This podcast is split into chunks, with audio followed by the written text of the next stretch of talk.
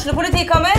Ine Jansen er purk. Er du purk? The motherfucking bitch. Alt jeg vil, er å finne ut hva som skjedde med mannen min. Jon Carew. Er jeg sikta for noe? Iben Akeli. Det er du. Ole So, Lars Berrum og Big Daddy Karsten. Hvem sin side er du på, egentlig? Anette Hoff, Tone Danielsen, Kommer du fra Afrika? Jørnis Josef, Nesten. Kløfta. Trond Espen Seim, Det er synd å si det, men det var feil mann som døde. Purk. Premiere tirsdag på TV2 Play. Sendingen er sponset av O. Johansen og Sønner AS. Du lytter til fotballpodkasten Dødball.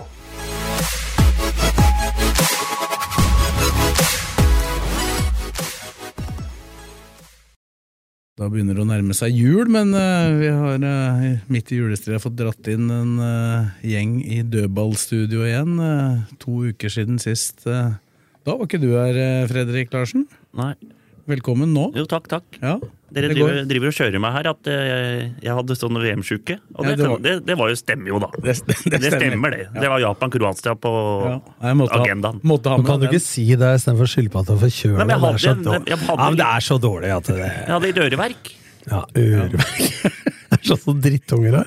Øreverk. Sånn er det. Tom Nordli, du er, er allerede kommet med de første uttalelsene. Du er her òg, velkommen. Ja, takk. Det er snart jul, ser du. Det er fire nisser i studio. Ja. ja, for da har du foregripet begivenhetene neste gang. Vi har ikke med oss Kristine. Hun er eh, Hun er i bursdag, sikkert. Nei, nei, hun er ikke det, faktisk. Ja, det er, jeg skal ikke utelukke at det er bursdag der hun er, men hun er i hvert fall eh, et sted det er varmere enn her. Gran Canaria. Ja. Så da må får vi ønske god jul til hun der. Og så har vi med oss en, eh, en gjest, en som ikke har vært med her før, men som eh, jeg hadde gleden av å ha med mye i eh, skal vi kalle det forløperen til dette her, da vi hadde Bak mål-sending fra Martins pub i Lillestrøm. Det var ordentlig bak mål, da. Ja, og da var, da, var, da var han med hver gang, men nå, nå er han på en måte på vei over fra oss. Altså, Eh. han er på vei fra veldig friske uttalelser og mange meninger og god humor til eh, ingen kommentar. Eller det greier han ikke, det tror jeg ikke. Jeg vet ikke om det er noen som klarer å gjette. Nå har mulig at de leser i teksten hvem som er med her som gjest, men det er i hvert fall ønsker velkommen til Fredrik Westgård, LSKs nye keepertrener. Takk for det. Veldig hyggelig å være her. Det er jo nesten som å komme hjem, dette. Ja. ja, for det, fortsatt er du vel da sånn helt formelt eh, ansatt i Ullkisa, Det er riktig. Ut eh, 2022 så er jeg det. Så det skal vi komme litt, litt mer tilbake til. Da. Det er vel ikke så mange arbeidsoppgaver i Kisa nå om dagen, vel? Aldri hatt det så rolig jeg, som jeg har hatt de siste eh, ukene her nå. For alt i en fotballklubb handler om å planlegge det som kommer. og det skal ikke jeg være med på i Ullkisa nå, så Kan jeg spørre om eh, eh, Du har jo vært bak spillelogistikk, det er så vidt jeg ser den under mikrofonen her nå. Eh, I Kisa og sånn, men er det avgjort noe hvem som tar over det for deg? Der? Eh, det går litt på rundgang nå? Strukturen i Ullkisa nå blir jo vel at, eh, at uh, Steffen Landro som hovedtrener rapporterer direkte til styret, og så blir jo da den biten underlagt han, og så er det Mats André Karland som har vært assistenttrener, som kommer til å fortsette i en litt administrativ rolle i tillegg, og så, og så er vel planen at det skal komme en til inn i teamet eh, på sport. Altså, det blir, han blir fortsatt litt assistenttrener, Karland? Ja, men planen er vel at det skal komme enda en til inn, men det er vel ikke noe klart. Øke ressursene? eh, Ja, ansatt, eh, ansatt en til på, på arrangementet òg, så Ullkisa bør opp i 2023. Det er sånn når det Det er ikke rart at Når de har spart lønna. til ja, det jeg skulle si, de fikk frigjort lønna til Westgård, så ble det mulig. tre mann inn! Ja, ja. Du ser det vel på den andre måten, kanskje, at eh, når du blir borte, så må de ansette mange for å dekke deg? Ja, nei, jeg tror det skal gå veldig fint. eh, Det, det er jo Ja, nå holdt jeg på å prate meg helt bort her når jeg skal inn og melde med lønnen og alt sammen. Ja, de har ansatt en til for å erstatte meg, ja. ja. Det er sånn. Og så har de jo Kisa mista en uh, arbeidsom fyr. Uh, er kruttønne på benken. Men det må jo Lillestrøm ha. For at uh, alle tror at Jon Knutsen er den der rolig fyren, men vi kommenterte jo LSK HamKam i en av de sju kampene med HamKam i fjor. og da har det ikke vært tilskuere. Og så åssen han klikka på han Er han heter Ja? Er han Mikkelsen, ja. Ja, han, Jakob Mikkelsen. Jakob Mikkelsen i HamKam, ja. Å herregud, han fyra Knutsen, altså. Det var deilig å se. Ulv i fåre- fåreklær, og nå kommer Westgård inn. Han Jeg tror, jeg, tror, holder jeg, jeg, tror Westgård har potensial til å nå Knutsen-nivå på benken. Ja, men Du Her må jo ta ansvar der, du, for at Myhre og Bakke er litt rolig. Vi snakker jo ikke om potensial her, vi snakker om ferdig produkt her. Nei, jeg, tror ikke jeg, skal, jeg tror ikke jeg skal gå inn og ta mest plass til å begynne med. Det er nytt, nytt for meg. Om, Ja, men du glemmer det. du glemmer det. Sånn har jeg, sånn har jeg sagt det. I dag skal jeg holde helt kjeft, gutta. Har jeg sagt til Blakker og sånn. I dag skal jeg holde helt kjeft. Ta fem minutter, og så er du helt ute øh, og melder. Er Men, men i, i Eliteserien så er det sånn teknisk sone, vet du. Ja. På Bruvollen så er den fra midtstreken og ned til Norges største øh, teknisk sone. Det jeg sagt òg. Jeg, jeg tror jeg har 50 meter, jeg. I sånn der øh, kritta rundt. Ja, den er, go den er godkjent. Ja, den er godkjent. Jeg, jeg, fleip, jeg fleipa litt med det der. Alle dommere har jo liksom Mange av de som dømmer i Eliteserien nå, har jo jeg møtt på min sti i Obos-ligaen tidligere, så de trodde kanskje de var kvitt meg, men vi ses, vi ses, vi ses igjen, mine venner. Nå dukker han opp igjen. Vi har, vi har jo vært med i en sånn VM-konkurranse nå. Der er jo en av disse dommerne du kjenner med, Trond Ivar Døvle. Så det var jo litt diskusjoner om dommerspørsmål i løpet av dette mesterskapet. Ja da, Døvle han, Han kjente, han kjente deg godt, i hvert fall. Det var, Døvle sendte jo Ullkisa ut av cupen i 2015 mot Strømmen i ekstraomgangene der, for da hadde hele Strømmen gult kort, og så ville han ikke da ta opp det andre gule, og da var det vel Konat og Jar, tror jeg, som avgjorde, så vi røyk 3-1 etter ekstraomganger i, i andre runde i NM på Jessheim stadion. Etter det har han ikke dømt, eller? Da, det var slutten på, det var slutten på Døvle. Var rett inn, melde til Geir Åge Holen, nå må det skje noe her. Ja, det er flott. Men den gangen du var med i Bak mål, så hadde jo du ansvaret for uh, ryktene og overganger og sånn, så nå har jo Blakeren overtatt det. da. Så, men da, nå får du jo litt supplementer da, Fredrik. Så Ja, ja, men- kan hende, jeg regner med at vi får hele rekka til Kise her etter hvert. han er mer pålest enn meg. vet du. Ja, vi er- trenger supplement, da. For nå har han én gang glemt Den ene gangen han hadde forberedt seg og hatt notatblokk, så glemte han den inni tørketrommelen til hun nummer 25. og, så, og så neste gang så har han manflu, altså VM-sjuken. Dette går ikke, så nå Nei, da, vi er spent nå. ja, så vi, vi, vi tre får supplere Blakeren. Ja, ja, men dette ordner vi etterpå lokalfotballen etterpå. vi Det er noe, så, så, det er noe småtteri. Ja, vi, kom, vi, Det er noe småtteri som vi kan ta. vi kommer tilbake til det, men vi får snakke litt om LSK. Vi skal jo snakke litt om din nye rolle, Fredrik, men vi må jo nesten ta dagens uh, nyhet først, da. Kan Kairinen? Ja. Eh, LSK enig med Sparta Praha om en eh, overgang. Eh, medisinsk sjekk gjenstår. Det går jo veldig ofte bra. Ja, altså da- Det er jo litt overraskende for meg, litt overraskende, fordi han Det var jo en To siste sesonger har nesten vært ødelagt for han, altså skade. Spilte med skade, var likevel ganske bra. I år mista hele preseason. Eh, Det så man på formen, og min mening da er jo at han I hvert fall når kampa kom tett. Ja, og han er en sekser, og når hun spiller 3-5-2 og han er indreløper, så i mitt hode så er han ikke det. Eh, så jeg syns det er riktig tidspunkt sånn sportslig. Han kunne jo selvsagt gjort en bedre sesong i år og kanskje fått litt mer, men hvis det er rundt 14 millioner og Midtjylland skal ha fire, da, og sitte igjen med ti Men han er jo finsk landslagsspiller, så det er sånn litt vanskelig, men jeg forstår faktisk at de selger. Og nå når det er 3-5-2 som er grunnformasjonen i LSK, så sier folk du må kjøpe kantspillere, men nå må jo folk tenke da, at du har tre på topp foreløpig. I Akor, Lene og Skogvold. Og så har du på midten så har du jo Lundemo og Knutsen. øh, og så har du jo Ulrik Mathisen kanskje tilbake. Og så har du, har du Aasen og Ibra Mai som indreløperalternativ. Så du har egentlig Pluss at du har Ubar ny- Charles. Uber Charles, Ja, og så har eller du- Envo Komo, som Ja, også, Men da har du seks bare for å ta det ferdig, så har du seks spillere på tre plasser der. Og så veit du at de skal ha inn én sekser, og jeg tror vel ikke de henter to for dem Karin blir borte. men Matthew han er jo enda. Ja, men jeg tror, jeg tror ikke han har leiligheta si lenger, så det, sjansen for at han kommer tilbake er mindre nå enn det har vært før, men eh, det har jo skjedd før. Ja, men, men du ser sånn Du tror jo det, at han Ja, blir. altså jeg er ikke så sikker ennå, for det har skjedd så mye hver gang jeg har vært i Rosenborg fire ganger i løpet av denne tida. ikke oppholdssted, altså bare kål.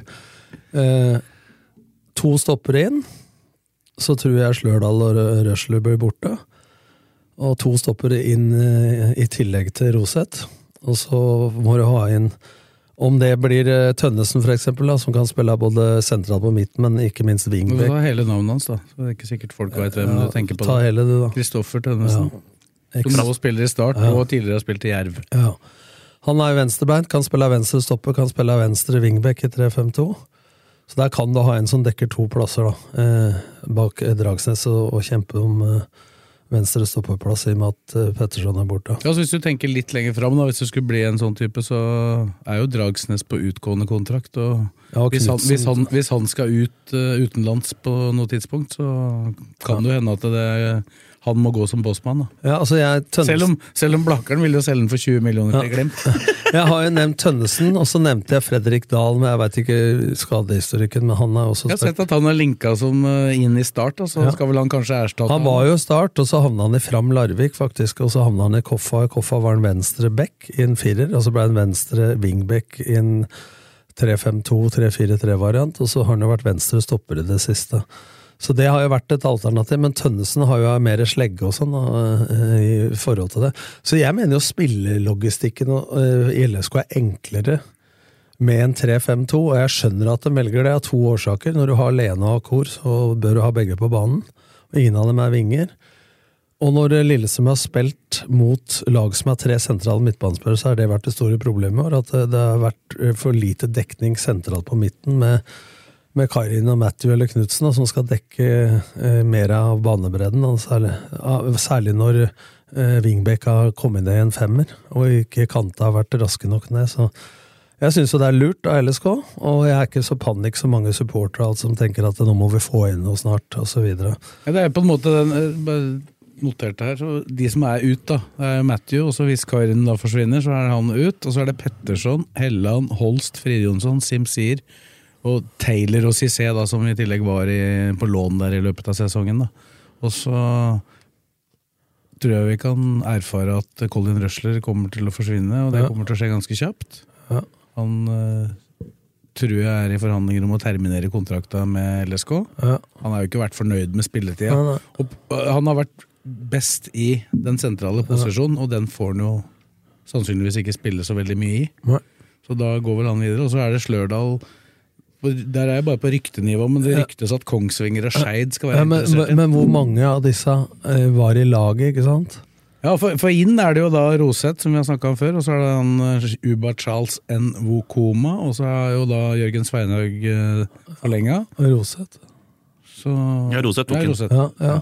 Men ikke sant, hvis du ser Men, Men så kommer jo en del tilbake fra ja, men utlån. det, det er Kairin altså Helland spilte lite, ikke sant? Simsir var nesten ikke på banen. Hvem er det som er gått Nei, Petterson spilte, men han spilte også bare halvparten i fjor. Ja, da. altså Hvis du ser, da, så er det Kairin nevnte Matthew. Så for spillere som har vært inne i elveren da, mye, så er det to spillere ut. da. Du må jo tenke sånn, ikke sant? Altså, i, i forhold til, og Det de skal styrke her, er jo, er jo elveren. altså Bredden vil jo gi plass til noen unggutter osv. Så, videre, så jeg, jeg har ikke panikk i hele tatt jeg, i forhold til det med spillelogistikk osv. Og så må tenke på en ting til. Det har vært VM nå, og ikke på sommeren. Det gjør at eh, det overgangsvinduet som kommer nå? Det blir helt annerledes enn før. For at nå venter man til etter eh, VM, og da kan det bli vanskeligere for de norske klubba, for nå skal de eh, beste klubba pelle fra øverste hylle først. Og da venter de andre, derfor kan det bli litt forsinka. Kanskje folk kommer i februar-mars isteden, mot slutten av vinduet stenger, istedenfor at det kommer til Gran Canaria på første treningsleiren. Det er ulempen for trente min, da. Men uh, dette er, jo resultater. Det spørs hvilke hylle du skal leite på, men du skal leite ikke der den største bamsen er, da, og ikke der den letteste vinst varer i gang med magnet er, men midt imellom, så må du kanskje vente litt. Jeg ser Rosenborg har jo signert en del spillere, men de signerte jo en eh, eks-Strømmen-spiller i Bjørlo. Morten Bjørlo der, eh, gratis. Det var, var ikke det en som du var fryktelig nær å få signaturen til eh, før han gikk til HamKam? Jeg og Bjørlo og Aalbu og agent Imadel Hamici vi hadde møte bort på et hotell i Lillestrøm her. og Da sto Bjørlo og vurderte om han skulle komme til Kisa, valgte HamKam. Og det går vel ikke an å si at han valgte feil.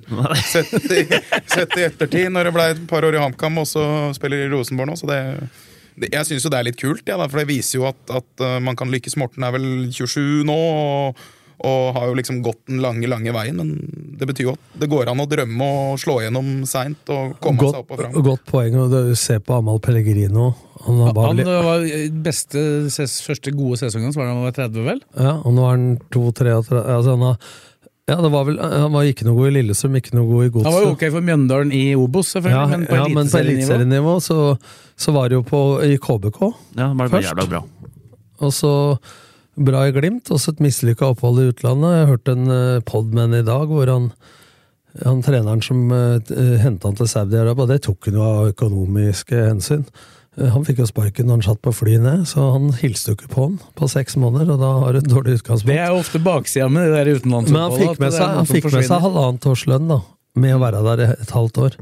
Så kom han til Glimt på en seksmånederskontrakt, blei seriemester, gjorde en kjempehøst, og så fikk han ny kontrakt. Og at han blir nå, da. Men eh, han slo gjennom da 30, Bjørlo 27, enig med Fredrik. Kult. altså Det er ikke noe sånn at du må være barnestjerne for å slå gjennom. og Kanskje det begynner å bli litt sånn som i skisport og sånne ting, at eh, man, noen trenger tid og treningsmengde og erfaring osv. Før, før man slår gjennom. Det er, jeg hørte jo noe sjokkerende her også på en sånn fotballhodepodkast hvor en som ikke hadde fått eh, spille, for han var for gammel, han var 22, ville satse på en unggutt. Da skal jeg si hvor gammel jeg er, for det er like før jeg må ta Fossbury Flopp opp i pennalet. Jo, det, er, det er litt sånn Det var jo en periode her at hvis du ikke hadde debutert i Eliteserien når du var 18, så var du 19, så var du ferdig. Ja. Det, det er litt tidlig. Så Det var da, på den alderen der du så på Blakeren, var det ikke det? Jo. Men det er jo sånn som det sto på Twitter, at uh, hvor var Viking i loopen? Men det skal jo passe inn i spillestil og så videre. Ja, og så kjenner han jo Rekdal og Frigården godt. Ja, og ikke minst så kjenner Rekdal han, da. Og, og jeg har jo sett litt på Twitter at uh, kanskje Rosenborg-fansen mener at uh, hva er dette for en signering og, og sånt, men fader, jeg tror faderen meg han har eh, ferdighetene til å spille seg inn på laget, òg. han er, Ja. han er en veldig bra spiller, Morten. Han har jo liksom klart å ta det nivået han har vært på til enhver tid nå de siste åra, så det blir, det blir veldig interessant. Men det er litt sånn ofte med, med folk òg, hvis du ikke har hørt om folk så- Og det er noe av kunsten i spillelogistikk òg. Det er det jeg har sagt til, til Lillestrøm også, når jeg masa på dem at de skulle hente han eh, Nå står det stille. Ålesund, Ja, Sigurd Haugen. Sigurd Haugen. Men det er noen som venter altså, til at det må ha prestert veldig bra uh, mange steder, og da er det for dyrt. Altså, du må ha evne eller scoutingapparat, og det har vi jo ansatt på, på Åråsen da, til å se det litt tidligere, før du slår gjennom. Særlig når det er en klubb da, som ligger under Bodø-Glimt, Molde, Rosenborg osv. i økonomi og Vålerenga, så, så må du være hakket bedre med snusing av nesa di enn en del andre. Og så er det ikke tvil om at Lillestrøm før 2023 kontra 2021 de leiter jo etter spillere på en helt annen hylle. Det, det de skal ha inn nå, er jo først og fremst uh, førstevalg. Ja, nå ligner De det skal mer- inn på et lag som har blitt nummer fire to år på rad. Ja, men Nå ligner det mer på sånn som da jeg kom til Lillestrøm første gangen. fordi at folk sa for henter du ikke sånn og sånn. Det var mye lettere å hente spillere til eh, Odd og Start, for at den forvent, forventningen til den hylla du skulle hente spillere på, var helt annerledes. Når du kom til Lillestrøm, så skulle de enten være ålreite i utlandet, eller så skulle de være de beste norske bak Rosenborg. Og de beste norske var da, som man kjøpte på den tida, veldig dyre. Ikke sant? Så, så de begynner å bli Det blir et smalere marked da, å hente fra. Og da må du være enda dyktigere da, på å hente før de har slått til. Men nå når de definerer spillestilen, da altså Spillestil stil og formasjon er to forskjellige ting, om det er 3-5-2, 3-4-3, men grunnprinsippene, hvordan du angriper og forsvarer vil jo være rolledefinerende for hva de ser etter. Og for meg så er det viktigere enn hva du heter, da. Altså, hvis vi tenker den sekseren som de sannsynligvis eh, på et eller annet tidspunkt skal leite etter, da. Jeg tror ikke at den leitingen er sånn voldsomt For, for, for lyttere da, så er en sekser en sentral midtbanespiller i 3-5-2. da. Sånn at, Ja, Fins den i Norge? Altså, Den fins, men eh, det er vel da på ei hylle hvor Lillestrøm ikke har råd til å være med og konkurrere. Ja, men nå har de jo da Knutsen, Lundemo, Karim blir borte. Uh, Matthew er ikke borte ennå, som kan spille der. Men uh, det er helt rett. Kanskje du må da leie inn, eller uh, du må hente en spiller da som er rutinert, som skal få fart på karrieren osv. Altså, det er mange, mange hensyn å ta. Jeg har en følelse av at Hubert Charles kommer til å spille i den Ja, posisjonen du ifra, ifra, ifra start. Og så kan du ikke forvente at han som har spilt på nivå 3 i Sverige i 20 Men- men år, at han skal på en Hvor skal måte Lundemo spille da? Nei, han kan jo spille der, han òg. Men at, kommer til å få, at han kommer til å få litt tid der. Ja. For du har jævlig tru på han, det har jeg hørt. Og jeg har det, det, jeg, det jeg har sett på trening, jeg har sett veldig lovende ut med han. Men, men, men, som sagt, han har spilt på nivå 3 i Sverige, da. Men det er jo, altså når vi snakker om spillelogistikk, sånn som vi gjør nå, så er det jo dette som er utfordrende for Lillestrøm, fordi man har gjort det så bra sportslig, men økonomisk så er man jo ikke i nærheten av å være Bodø-Glimt, Molde og Rosenborg. Det må jo liksom Selv om jeg ser at Rosenborg klager voldsomt på hvor lite penger de har, da. Men, eh, Markus Henriksen, hva gjorde han i året i fjor? Ja, Han har ti 10 millioner. ja, Og de kjøpte Kasper. Tengstedt for 10 mill. òg. Så da, da, det, det- må vi bare legge bort. Det er bare De er ikke på Molde- og Bodø-Glimt-nivå, dem heller. Det er Nei, de men ikke. det Men det er noen som er der, som er født og sutre. Ikke sant? Altså, Men, men samtidig, det må, det, det må man ta med seg når man holder på med dette. Altså, og der er jo Lillestrøm spilt seg en herlig posisjon. Da, at man har gjort det så bra sportslig, men, men, øh, og at forventningene er deretter. Og det er det som er fantastisk med, med en by og klubb som Lillestrøm. At, at det er forventninger og det er ordentlig fotballpunch. Men det er jo vanskeligere å hente spillere til Lillestrøm enn det sikkert var til Odd og Start. Som, ja, men da er det viktigere å vente også, istedenfor når masa om spiss i fjor og før Lene kom, så var det noen som var så desperate at de bare skulle hente det første og beste, liksom. Og det er det de har holdt på med i alle år. Når man har ligget og kjempa med å holde seg, så har det både vært treneransettelser, spillekjøp osv. Må tenke brannslukking og kortere. Nå kan de i 2022 tenke 2023-2024, og så må du tenke litt kortsiktig samtidig. Men de er en helt annen posisjon. Selv om de ikke har økonomien til de tre klubbene du nevnte, Fredrik, så har de i hvert fall en så solid økonomi at det er ikke noe panikk lenger. Du må ikke selge, osv. Så, videre. så det har mye mer grunnmur på huset, da, mye mer fundament enn det har vært på mange år. Og det gjør jo at det er litt beroligende, ikke sant? selv om man nå er i ferd med å bli skisporten, fotballens eh, Kristin Størmer Steire og Didrik Tønseth, for nå har jo Erlandsen blitt nummer fire en haug av ganger. Røsler, jeg og nå Bakke og Myhre to ganger. Så nå er det på tide med noe Valør her, eh, Westgård.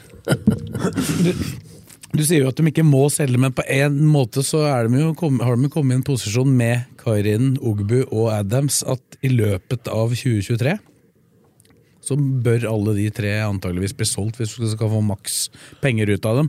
For med ett år igjen, eh, eller ut dette året her, så har Adams bare ett år igjen. Ja, men dette veit de. Og derfor så kan det kanskje være greit å få gjort et salg nå. Ja, det er jeg enig i, men dette veit de. Og da kan de begynne med spillelogistikkmessig og scoutingapparatet sikkert jobba med det. At de regner med at han forsvinner til sommeren, han forsvinner til høsten osv. Så, videre. så kan de ha kandidater på plass da, og jobbe med flere alternativ, sånn at når én går ut, så er det en inn. Ikke Og, sant? og hvis for eksempel skulle risikert tre på sommeren, da, så er jo tre ut på Men hva sommeren er ligger, ikke han, bra. hva ligger han på i salg av tru? 50 Hvem? millioner? Hvem? Adams? Det kommer helt av. Hvis han bøtter inn mål, så er nok han den Ja, for han får desidert mest for. ja, for, for, for Fana i- er 100 var 130. Ja, men det er eh, spilt i e-cup og sånn. Ja, ja, men Da så er og- han og- 19 år. Det er ikke stor forskjell på dem to, syns jeg. Altså. Spillere. er Per nå så Nei. er vel sannsynligvis ikke Adams veldig mye dårligere enn han, Nei. men Molde, der har jo Molde hatt flaks. Men etter min mening så har de to vidt forskjellige ferdighetsregistre. Altså, Til å så ta det neste nivå på en høy, så har jo Hvis du ser på teknikk og forståelse, så er jo Fofana lenger eh, framme, men fysisk så er jeg enig. Altså, Det skal bli spennende å se. Ja, for da kan du få den, den der Jeg tror ikke han får mange, kamp, jeg mange kamper for Chelsea med det første. Det overrasker meg. men, uh, men hvis du skjønner hva jeg mener, da, så, så tenker jeg sånn at man må ikke selge, men man er en selgende klubb, men man kan bestemme litt mer tidspunktet man selger i forhold til hva man har aktuelt å hente inn. Og det er en mye sunnere drift enn det man har holdt her er, på med tidligere. her, er, her er det da salg basert på når kontrakter går ut. Så det, liksom, det, det kommer til et tidspunkt der. Nå ser det jo kanskje ut til at må nesten prøve å selge det. Adams blir nå, da. Men det er vanskelig å sammenligne disse casene og sånt. Da. Ta av der, så er det vel Brighton som har vært på, og så er Graham Potter fra Brighton ja. til Chelsea, og så kommer Chelsea på banen, og da bare løper opp hva det var, vel, hva det sannsynligvis ville vært med Brighton. Ikke sant? Ja, ja, ja. Det er case to case på de greiene der. Og mange samtidig ting som er det slår. Premier League, så får du jo fort 100 millioner uansett. Men. Er overfør den til Norge da med Christian Eriksen. Du så jo bare hvordan hypen blei. Når Molde og Rosenborg kjemper om samme spilleren, så føyk det opp fra 6 til 15, Glimt. Ja, glimt til 15 millioner med en gang. Ja, ja. Ikke sant? For da er nærmer det seg deadline, og så er det panikk, og så har de penga fordi de har presser i Europa osv. Så, videre. så dette er jo sånn, sånn mekanismer som eh, Fredrik sier, da, som funker hele tida. Men jeg mener at de er i en posisjon til å gjøre mer grundige vurderinger da, og være i forkant enn de har vært før. Og det er en posisjon som, som bør gjøre at hvilepulsen er litt lavere da, enn det har vært tidligere. Ikke så mye panikk. Og så sier det seg vel sjøl, nå visste ikke jeg at det med Khan var klart, ja da, men hvis det blir klart, så har man jo mer å kjøre med seinere år enn det man har øh, hvis man ikke skulle solgt den. Ja, Om man ikke erstatter den, da. La oss si at du har lunde og dem jeg har nevnt, fordi det gjør en formasjon og nok midtbanespillere, så har du jo mer penger i potten til å bruke på den sekseren. da. Bruker den på én spiller istedenfor på to, så har du jo større sjanser til å øh, jakte på ei høyere Da kan man plutselig matche Rosenborg, øh, Molde, Blinget da på én overgang, for eksempel. Da. Mm. Ikke sant? Mm. Altså Hvis man har mer i pottene. Og det er kanskje det som man må til, da. Ja, Når man ikke kan ha like mange og like brei stall som Molde, Rosenborg og Glimt, så kan man kanskje da heller ha litt mer unggutter fra 18 til 22-24 i antall, da. Ikke i år, men i antall, i enden av stallen. Og så heller bruke mer penger på den ene spilleren som skal være bærebjelken i en elver. Ikke sant? Sånn må man jo tenke, da, for du har de penga du har, og så kan du velge å bruke 50 øre til høyre og 50 til venstre, eller om du skal bruke ei krone eh, på én. Bare for å ta en metafor, Ja. da. Men, eh, så det tror jeg er sånn de må tenke. Nå skulle tro jeg prata erfaring, og det gjør jeg jo. Litt, litt erfaring. Nei, det er eh, jo spennende dette her. Og så er det jo keeperplassene. Vi må jo skli litt over på den, Fredrik. Der er det jo tre keepere på kontrakt per øyeblikk eh, for Jørgen Sveinhaug. Eh, Han, du skjønte du at det kom rett fra trening med han i dag? Hatt min første økt med en av keeperne i LSK, det var Jørgen i dag. Så det var Jeg fint. satt det faen meg en halvtime og venta på han i øken. Så, men han er jo da forlenga. Han er født i 2003, så han blir vel da 20 neste år, hvis jeg ikke Nå føler jeg meg gammel når jeg sier at folk i 2003 blir 20 neste. Oi, oi, oi.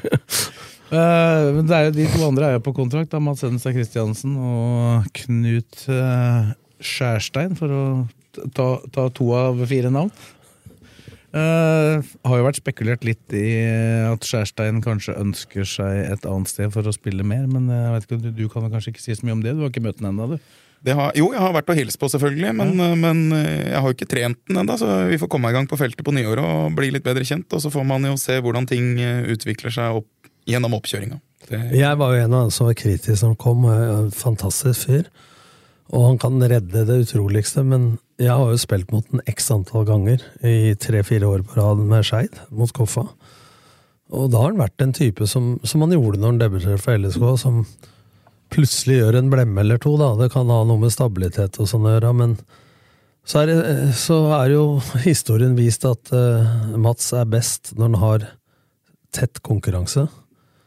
Og jeg mener at Mats var bedre i 2021 enn han har vært i 2022. Selv om han fikk eh, landslagsinnkalling. Ja, det, men, men den vurderer jeg litt annerledes enn Ja, eh, ja, mange det- andre, for det vurderer jeg som en vraking fra U21. Ja, det gjør jeg også.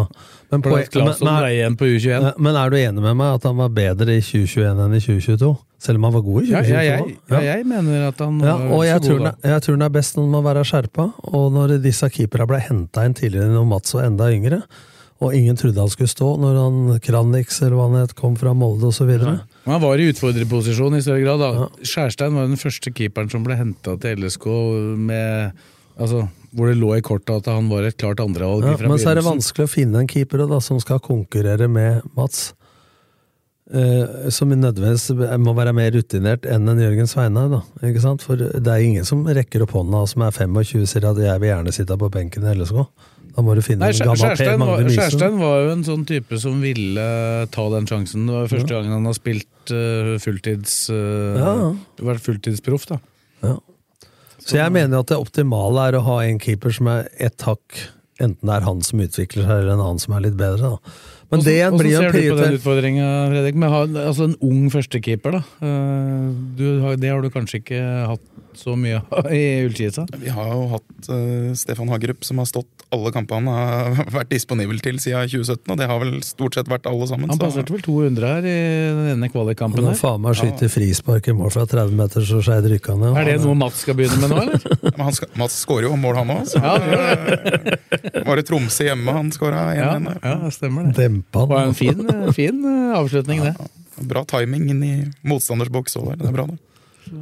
Men Så du tidlig at Hagerup, eller var det noe han maste om sjøl? Dette begynte vi med når vi var på treningsleir i Marbella et år der. Så sto han og skøyt, og så skøyt han helt fantastisk. Og fikk han prøve i en match mot Ranheim, og så har han jo har han blåst inn noen siden. Har skøyt vel først det var mot Elverum, og ja, da husker jeg eh, Tore Fossum sto vel og dirigerte, og nå skjønte han at keeperen skulle fram og ha treningskamp i snø på Jessheim der, der, og han skulle prate fram folk og hele pakka, og Emil Holst som sto i mål for eh, Elverum da.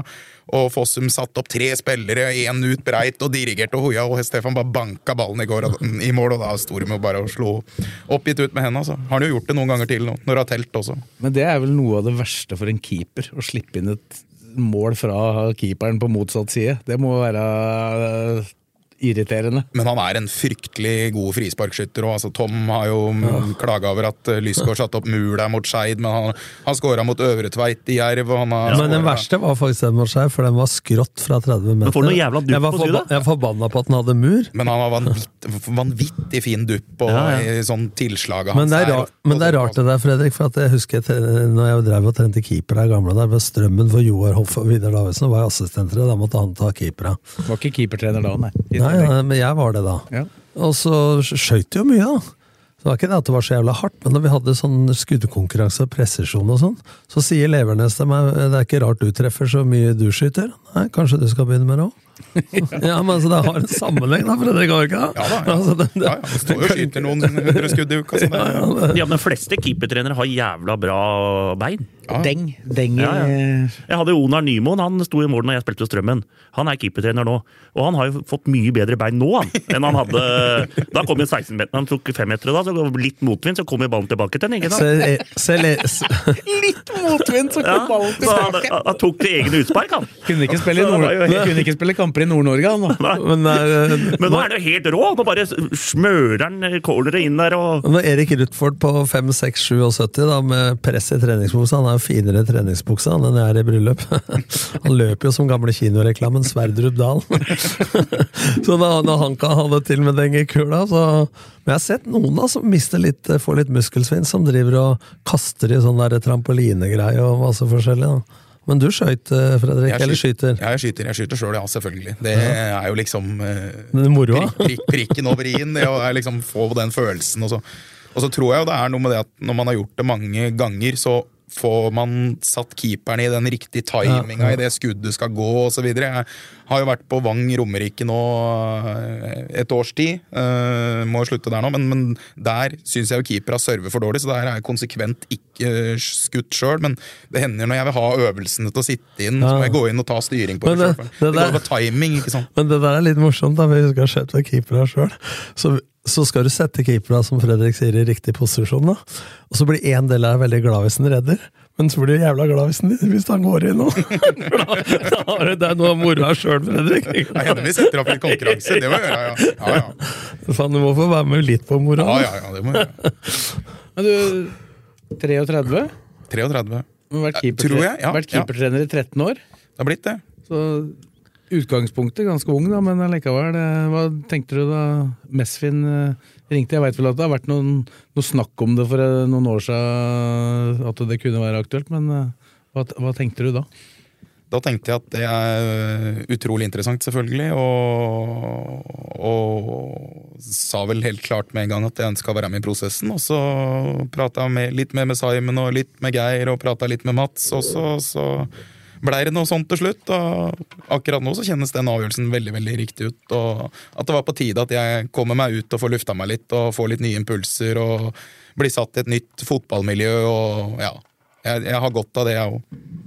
Men det er lett å bli, vet du, altså, sånn rent emosjonelt, vil jeg tippe. da, At det liksom vært der så lenge. Og, så, og det å greie å sette følelsene til side og gjøre det som er smartest rent karrieremessig, så jeg mener jo at det er et fornuftig valg. altså Jeg sa til deg, at du er ung ennå, men altså, hadde du blitt i Kisa nå, så veit man aldri om sjansen hadde fått igjen, og du kan jo fort blitt der eh, i ti år til, på en måte. Ja, ja, absolutt. Så, det er jo relativt normalt at folk bytter jobber litt oftere enn enn 13 år, da, som jeg nå har vært. Nei, sier du det, gitt? Men Sves, du har vært i Romerikes Blad. Du blir der. Og det er umulig å få sparken der, da. Han bare sparker oss andre gjennom avisartikler. Sves han bare sparker folk der og på Åråsen og alt mulig. Altså. Ja, det, det, du har jo sparka flest, du. Du var på der. Det, det der er overdrevet. Ja, ja. Det er Mange, mange trenere har du på samvittigheten. Sves. Nei, det er ikke, ja, men det er litt morsomt, for er han, hva heter han der eh, som sitter på felt C ved siden av Lars Fjelstad? Lille Rosin, som vi kalte den på Tidligere skolen. dommeren, ja. Ja. Min tidligere dommerkollega. Ja, han kalte den for Lille Rosin, gikk på skolen sammen. Han kommer bort til oss på slutten når vi sitter der, ikke ryddig og jeg også. Og jeg sitter og prøver å gjøre ferdig ja, så kommer han bort og så sier han 'Sves, nå må du gjøre noe!' Ja, ja, ja, ja, det husker, husker jeg fra jeg jobba i, i Romerikes Blad sjøl. Sves nå må du gjøre noe. Ja. ja. Og Sves erfarer, selvfølgelig. Det var- Ja, men så, Ja, når, erfaring. når da Gjør- Nå må du gjøre Du må ha en sånn egen spalte. Sves erfarer. Sånn egen sånn Ja, Sves TV, Sves erfarer, og Sves nå må du gjøre noe. Trenger ikke noe egen, Nei, egen spall. hele blokka er jo Sves erfarer. Men det, jeg, det, det er litt fascinerende med Sves, for det er jo Sves her i Lillestrøm. ikke sant? Men, men eh, jeg var jo i Det var for øvrig eneste gangen jeg ble starstruck i, i, i bak målstudio, når Gud var der. Solbakken. Solbakken, ja. Ja, jeg kom inn der, og da kjente jeg at da hadde jeg risten i knærne. Men, men det, på Grue så sier de Sves. Og det Med syns, to s-er. ja, ja, det syns jeg er interessant. Hvorfor det er blitt forskjell. At de sier Sves der oppe, og så Sves her. da. Det er jo triple konsonanter og sånn oppi der. Du Da. prata jo med han som er sjefen for det der. Da. Jeg var jo også i studio da når Solbakken var der. Ja, ja, ja, stemmer det. Stemmer det, Blakkaren, du var Så vi møtes igjen, vi. Jeg var, var jævla mye gjest, jeg der. Ja, ja. Det der bakmål der. Det var ikke så mye å ta den gangen. vi skapte jo deg, eh, deg vi der. Ja, det, det var der, Deg, jeg, Du bør sende blomster det var der jeg kom igjennom Det, du, du, tenk deg det. Da, da, møtte, da møtte jeg ikke opp, altså. Jeg, jeg sa jeg var, da tok jeg den manflu-greia nesten. Når du var 40 år, med rød løper på Martins. Og det var TV-sending. Ja, det Ja, men jeg var der. Men jeg sørga for å komme etter den TV-sendinga var ferdig. Altså. For maken til profilering av en eh, Ja, fy faen. Apropos scouting, det var god scouting av oss. Og Blakeren i søkelyset. Ja, ja. Du bør takke Blakkaren. Men det er, jo, det er jo for meg så er jo det litt sånn Lillestrøm, da. At eh, både Sves og Stokken og alt kan liksom klare å skape Blakkaren og Tommy Tass og sånt og bli profiler. Det er jo ja, det, er, det er helt nydelig, faktisk. Ja, det er, det er bakker, det er bakkerekord. Ja, ja, det er klasse. Det er klasse. Tenk deg det RB var live på 40-årslaget til Blakeren! Folk skjønner hvor sjukt det er, eller? Svesengen sto live og filma på rød løper utafor Martins! Jeg skjønner det. Jeg, jeg syns både var stort og pinlig samtidig. Ja, det var litt flaut. Det var jo litt flaut, da. Ja, Du syns ikke det var mye flaut? var Altså. litt flaut. For det Det var var, da, akkurat den dagen så var du 205, altså. Det var ikke alle som kunne intervjues eh, li like lenge på vei inn der. Nei, Det var noen som var litt bakglatte der. Noen, noen hadde vært uh, Og tatt litt før. tatt litt før, ja. Det var noen med støttehjul da. Hva når, hva når Blakeren blir 50? Hva, Ja, hva, ja, Men åssen havna vi her, egentlig? Nei, det, Sves erfaring. bak mål. Skape profiler og sparker Nei, så- spillere og trenere. Var der vi det, var, det var der det begynte. Til. bak mål med Sves Dette, og dette, sto, Solbakken. dette sto ikke på kjøreplanen min, i hvert fall. Så, Nei, du, du får lede oss inn, det er du som er det er, det er mye som vi har tatt opp igjen disse 42 episodene nå, som ikke har vært på kjøreplan. Sånn. Ja, vi har, vi har kommet inn på noen andre temaer som ikke vi hadde på sklir ut innimellom. Vi henter oss som regel inn igjen. da. Beste kan var fort- nummer 25. Ja. Må forts fortsette litt på det å være keepertrener, da. Altså, I Kisa har du ikke bare vært det, da. Det må vi jo si. Folk tror det. Nå skal du jo i utgangspunktet bare være keepertrener. Ja, det, Hvordan ser du på det? Jeg får jo nerda litt mer, da. Gått enda litt mer i dybden, og det tror jeg kan være veldig, veldig fint. Eh, Samtidig så har jeg jo hatt litt jern i ilden og har jo trivdes godt med det, men, men eh, det blir jo en litt sånn annen type setting for meg. da, At man går inn nå og blir trener, sparringspartner, kall det hva du vil, og, og jobber på individnivå. Eh, I Ullkisa så har jeg hatt, gjort litt sånn annet. Så, så vært litt bevisst på å ha litt avstand til spillere og sånt noe. Jeg ser for meg, eller Min inngang her nå er at jeg kommer til å prøve å komme meg mer ned på Tettere på. på nivå med gutta. Liksom, Litt kamerat og litt glimt i øyet, litt alvor, litt temperatur, og også en skulder hvis man trenger det. men du blir jo litt sånn som assistenter ofte. Altså, det er jo lettere å komme og dele ting. Like viktig jobb, men altså det må, nå har de jo en personlig utvikler i Mette Rossland, men altså de deler jo mer med en keepertrener enn assistenttrener. Men du har liksom hatt spillelogistikken nå. Da, hatt, Du har jo vært sports, en slags sportssjef Ja. i tillegg, da. Så jeg skjønner deg, men det må jo være flere som jubler over, for du er jo arbeidsom og kommer til å være veldig mye opptatt. Men, men jeg kjenner jo til hvordan du har drevet og jobba når alle andre har ferie. For når du er keepertrener og sportssjef samtidig, så kan det hende noen hjemme i familien syns det er greit at du ikke skal At du nerder litt mer og ikke har eh, 20 hatter på huet. Nei, Det familiepratet det kan vi legge bort med en gang. Det har vært krystallklar på at eh, jeg kommer ikke til å være noe mer hjemme, og kommer ikke til å prioritere fotballen noe mindre. hva, unnskyld, eh, kone. Jo, nei, men altså, ja, det har vært, det har vært knallhardt før vi, det har, vært, det har vært knallhardt før vi går inn, så det Ja. Jeg, Ja, har- nå, må- nå, bank i bordet, da, men det skal ikke være, jeg skal ikke være mye hjemme med sjuke unger. Altså det, Men du har smalere, du har smalere felt da, å bry deg om, ikke sant? absolutt. Og så, Så hud, du kan, hva jeg sier før når jeg var mye borte? Det hjelper ikke om du er hjemme, for du er bare fysisk til stede, ikke, ikke psykisk. Så du kan jo slippe å tenke overganger og alt Jo, det men der selv, maset. selv, om, selv om Jon Knutsen på en måte er en del av støtteapparatet, så er det ikke noe tvil om at den, det keeperteamet, som du kan kalle det, det er, blir jo veldig close. Veldig, Eh, og veldig. de jobber jo mye sammen. Og det, det gleder jeg meg veldig til å komme inn der og bli bedre kjent med gutta og bli litt tightere med gutta. Ja, fikk fin kjemme med Jørgen på den første økta som vi kjørte i stad. Og så er det jo litt som Tom sier, at en hovedtrener, og det er jo Petter og Geir som er trenere i Lillestrøm, og så har du jo da de andre i støtteapparatet får kanskje tatt pulsen på en litt annen måte. Og det tror jeg er viktig at folk klarer å plukke Dere er opp de tingene mer, som skjer dere er litt mer sosialkontor. jo, ikke ja, ikke sant? Og så, han har gjort det slutt med dama. Det. Selvfølgelig er det nyttig at uh, hovedtrenere fra lag veit sånne ting, ikke sant? men det er ikke alltid at det er like lett at de får vite om det. Så, Sånn jeg kjenner, opp sånn. Geir, så det er ikke han så interessert i det. eller? Nei, men, men, men, men du det, det, kan jo, det kan jo påvirke hva som skjer på banen klokka Nå er det vel 17 og 19.00, da. Men 1915. 1915 ja.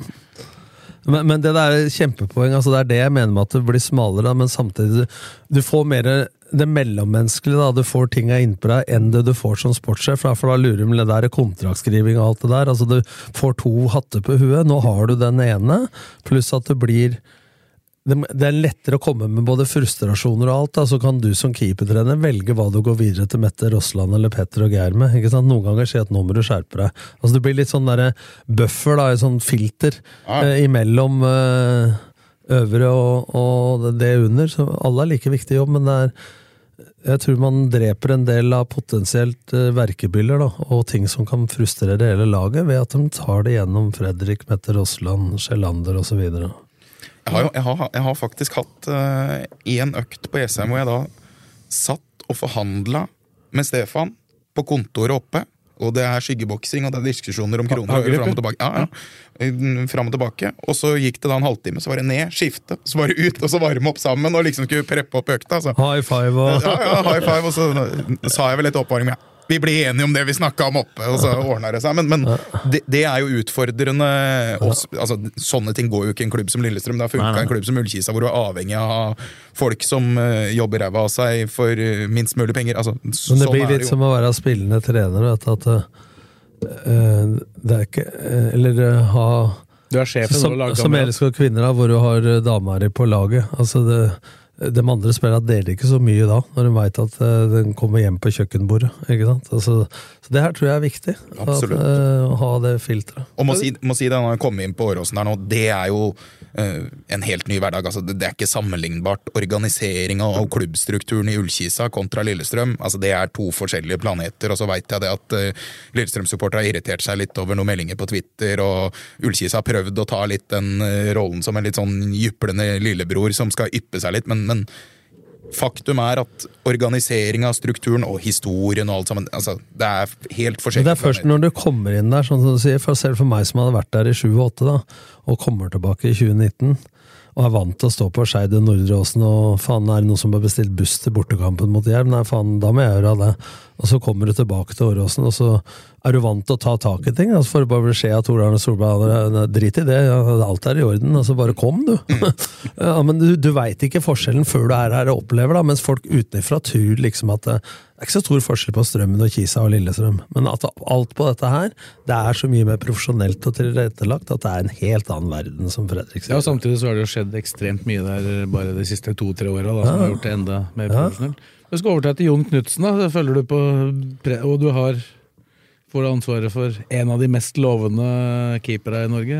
Føler, føler du presset? Ja, klart jeg kjenner litt på det. Det er ikke noe Jeg har jo vært betenkt, men jeg tror det viktigste for meg er at jeg går inn og er meg sjøl, og da tror jeg det skal gå ganske bra. Jon har jo gjort sine ting og vært bra på sine ting, og, og bygd og jobba i teamet på sin måte, og så må jeg finne min måte å gjøre det på. Har jo selvfølgelig prata masse med Jon og vært litt sånn flue på veggen der eh, tidligere i høst, eh, inn mot litt kamper og sånt noe, så og han har gjort en veldig veldig bra jobb, og jeg skjønner jo også at keepere er tett knytta til han, og at det blir eh, nytt for dem òg, men det tror jeg er sunt òg, da. Jeg tror eh, at forhåpentligvis at når Mats eller Knut eller Jørgen sitter om seks måneder, så tenker de at ja, det var fint med litt forandringer, og det har jeg henta litt grann av, og ja. Måtte jo bære Sveinhaug ut av økta i stad. Men det er ikke sånn at du revolusjonerer alt annerledes, men du har et kjempepoeng, Fredrik. Det mener jeg. fordi at eh, hvis du skal komme inn og lage Politiskolen 2, 3, 4 og 5, altså kopi altså Du må være deg sjøl, både på det du tror på faglig, og de har jo ansatt deg en grunn, eh, men du må være deg sjøl som menneske òg. Hvis du stum, er du, som Kai Stensheim sa til meg da jeg tok Lillestrøm første gangen, har kjent den i alle år hvis du prøver å være stumperud, Nordli, så plumper du, så vær deg sjøl. Ja, men det er et kjempepoeng. Altså, de henter jo hele Fredrik. altså De henter eh, din personlighet, din eh, psykososiale, mentale Altså personligheten din, og de henter eh, CV-en, altså det faglige. Og hvis du skal prøve å være Det blir det samme som vi gjør med dem vi er sammen med. da. Hvis du skal prøve å gjøre deg kjerringa di lik deg, så kan du bare Det tror jeg ikke vi skal prøve på. Lik meg, kanskje? da, blir jeg, da, blir jeg ikke, da blir jeg ikke fin nok, er det det du sier? Nei, det var, det var ikke det. Jeg tenkte ikke på det. Tenk deg Anne Jeg tror det- Svendsen jeg tror det- passer greit at vi er litt forskjellige. Ja, ja, men du skjønner litt hva jeg mener. Altså, jeg tror at uh, idet man prøver å så foran- altså, Man kan alltid forbedre seg, man skal ikke forandre seg så mye. Altså, vi må ha vår personlighet med i de jobba vi tar, og så må man heller tilpasse seg forbe forbedre seg litt. Da. Nå tenkte jeg skulle innom et av favorittuttrykka til eh, Tom. da. Du må, du må ikke ha vært hest for å bli en god jockey. Du, du har jo ikke stått like mange kamper på toppnivå, eller stått like mange kamper som keeper som uh, Jon Knutsen. da. Hvordan, hvordan, hvordan, hvordan angriper du på en måte det? For å Men jeg var keepertrener lenger enn Jon Knutsen. Altså hvis man det har du vært. snur på det, så Jeg fikk vel et par A-kamper for Ullkisa i, i gamle du kan jo ikke ha spilt veldig lenge når du ble keepertrener allerede som 20-åring. Var vel... Nei, du, var ikke, du, var ikke, du var ikke kanongod. Nei, jeg var ikke det. Jeg, jeg, jeg, var, jeg var sannsynligvis bedre hadde vært bedre nå, Blakkaren, med den erfaringa Ja, Ja, ja. Så det har jeg tenkt ofte. er som jeg sa, hvor vanskelig kan det være? Du skal stå i veien for ballen. Jeg er slankere, jeg er slankere nå enn det jeg var. Ja, ja, Spenstigere. Ja, du, er, du er godt trent nå, løper mye. Løper fælt. Blitt bitt av basillen der. Må si det. Åssen får man til det? Må bare bestemme seg. Det er bra for mental helse å Ja. komme seg ut. Og Jeg begynte Ja, ja, å trene for et år siden med lite hunder som er mye styrke, men i min alder så er det viktig. Men bare det å trene gjør mye med det i huet ditt. Jeg ser det støtteapparatet eh, i forbindelse med treningsleirer og, og av og til etter økter at de løper. Jeg tror, det, jeg tror jeg har en følelse av at du kommer til å ligge i front der. Må dra med deg bakke, da. Jeg kommer ikke Dra med deg, kanskje dra med deg stokken nå? Bakke er ikke med de andre. Eller? når jeg var i Lillesand første gangen, så var det noe som het Spis deg slank. Kjøpte mat på Skedsmokorset. Per Svendsen, Fjørtoft. Og jeg hele apparatet. Bortsett fra Slokvik var fysisk trener, vet du. Han løper jo fra Bjørn Helge Riise opp i sånn bakkeløp eh, på vinter... eh, sånn eh, bli kjent-leir på Skeikampen. Så kjørte han bakkeløp. Men det morsomste var med Slokvik. Da han var 45 år, så hadde vi den Nordli-testen. Ja, det husker jeg. husker jeg. Så løp han med, Først så løp han der Heinz Müller, keeperen, løper 24 runder. da. Det gjør de dem som du ser rundt i Kirkeparken nå. Men så satte jeg krav at du må løpe 27-28 runder hvis du skal spille deg utpå. Så løper Sundgodt, da. 28. Ny pers, liksom. Da løp Slukkvik ved siden av, noterte og heia med hvilepuls. Og så var det to minutter pause, så var det neste gruppe, det var Ocean. Så løp hun 28 til ved siden av han, så sa jeg nå Ocean og Sungot, nå bør det ringe en bjelle her. men, men, men, men vi kommer ikke unna at løping og, og det fysiske er viktig i fotball. Altså, dagens fotball er en fysisk sport. Og så, jeg må legge den der med treningen død. Jeg kommer aldri i nærheten til å ha sjanse til å følge Frode Kippe på løping. Så det, det må bare kuttes med en gang der. Jeg, jeg og Sjelander Lander har sånn femkilometerstest vi skal kjøre inn mot sommeren der, så får vi se hvem som er raskest der. men Kippe spiller jo fortsatt, spiller fortsatt, litt, altså. litt med laget enda òg, da. Det, det maskineriet der er ikke i nærheten. Men han, han sier nå faktisk at nå, han kunne ikke spilt noe. Det, han merker forskjellen når han ikke er der hver dag. Så, men det er jo Men, men apropos det, det er litt morsomt. Altså, Før i sommer var jeg på sånn fotball-grill-greie. Det var Lars Bohin og Jan Gunnar Solli og Jon Carew alle. Og de satte meg og Morten Stokstad på samme laget som Bjørn Heidenstrøm, da, og tredde på oss Vålerenga-drakt. Stokken nekta. Var det noen som tok bilde, eller? Hun prøvde, men Stokken gjemte seg. Han orka to og et halvt minutt, da. Så jeg var jo O2-snapper i forhold. Han fikk på seg drakta. Eh, ja, kanskje. Men poenget da var å se på Karev, han sa det. Alt med timing og steg og tryna på flatmarka. Altså, det er ikke så lenge siden du legger opp. Men hvis du ikke er i det som Kippe sa, da, hver eneste dag, så er du der Ja, ja. ballen var for et halvt sekund siden. Altså. Jeg pleier å være med gutta og trene noen ganger, ja, men det henger ikke med 50. Ja. altså. Nei, nei. Dårlig balanse, koordinasjon, alt. Touchet. Alt går til helvete. Og så Bruvollen litt humpete i tillegg. Bra så det jo- Men hadde ikke du bare avslutningsegenskaper? Jo, jo, jo. Så Det der er- er jeg, der det er bra trening Vegard på søndag morgen. Da. hadde jo en flekk på Strømmen stadion Ja. når han hadde stått. Og Det var det Joar også. Jeg Var nedslitt. Den. Jeg lagde en sak på Sigurd Dalen, var kaptein i Strømmen da Blakeren Da, da tror jeg siterte han på at Blakeren har bedre avslutninger enn Ole Gunnar Solskjær. Ja, ja, det er ikke langt. Men det var én flekk på Strømmen stadion som ikke var gress på. Så spurte jeg Joar hvorfor det. Det sånn han har vært i alle år, så han først så sto Svein Kjørås der, og etterpå har Blakeren stått der. Jeg, var ikke, jeg var ikke, løp ikke så mye. Men tenk at det er to meter og må slå corner, da. Ja, da var det god på Ja, huet. det, det er sjukt. Halv svette meldte du må nesten ta corner, da, du, altså. Det er faktisk verre enn når Harry Kane slo dem i Ja, det, EM i jeg 2016. syns det er ille. Ja, Harry Kane slo vel noe for England òg, det syns jeg er krise. Og gjorde det i 2016 i EM i Frankrike òg. Uff. Han må i boksen, altså. Men det begynner å nærme seg at du skal i arbeid, da. Det gjør det. 3. januar. Da starter vi opp. Den 4. januar, da er det Fly. fly. Skal i arbeid da òg, nå Ja. skal vi til Gran Canaria, så det blir Det er tester da, 3. januar, sikkert. Ja, det er vel sikkert det. Litt, litt hyggeligere arbeidsforhold da, i starten her. Eller nå er det ikke så veldig kaldt inne i LSK-hallen, men Altså, arbeidsforholdet er, er Bedre enn på be- ESM. Bedre enn på ESM. Det, altså, den vinden på ESM, den er helt Men bare det, jævlig bare kald. det å Altså. gå inn i hallen er jo en drøm. For, altså, Fredrik og jeg har vært i noen klubber hvert halvår, altså, men vi har jo stått ute og fryst i tærne. Og når du er keepertrener, da, så har du ikke akkurat snowjog på beina. Så det fryser jo kaviar. Ja, ja. Men samtidig en fin, det er en fin start for deg å få en treningsleir tidlig òg, med å komme inn i et støtteapparat der du, du kjenner jo selvfølgelig de fleste av de som er der, men du er ikke, du er ikke liksom så godt kjent med dem. Jeg kan jo ikke si at jeg er en del av gjengen enda, men det håper jeg skal bli fort. Få være meg sjøl der også, så tror jeg det blir bra. Nei, Så introvert av beskjeden du er, Fredrik, så tror jeg det tar litt tid. Nå, kjenner jeg deg en del fra før, og så er jeg relativt godt kjent med de som er her, så jeg tror det kommer til å gå ganske Ja. Det tror jeg er det minste problemet. Vi får tro det. Vi får tro det. Så får vi bare håpe at Mats Hedenstad Christiansen fortsatt redder baller, da, for ellers så får du vel fokus på det. Ja, jeg er klar over det. Han så- derre fra Kisa som Ja. kom inn her, Ja, sier de da. det- jeg kommer til det. Hvem er han der der? Han derre biffen, han! Han må bytte ut han derre biffen! Ja. Ja, nei, vi, vi skal Men det er jobbe hardt for å få til det. Men det er sjelden keepertrenere har fått sparken, da. Det må jeg jo si. Ja, du kalles Biffen. Hvor er det det egentlig kommer fra?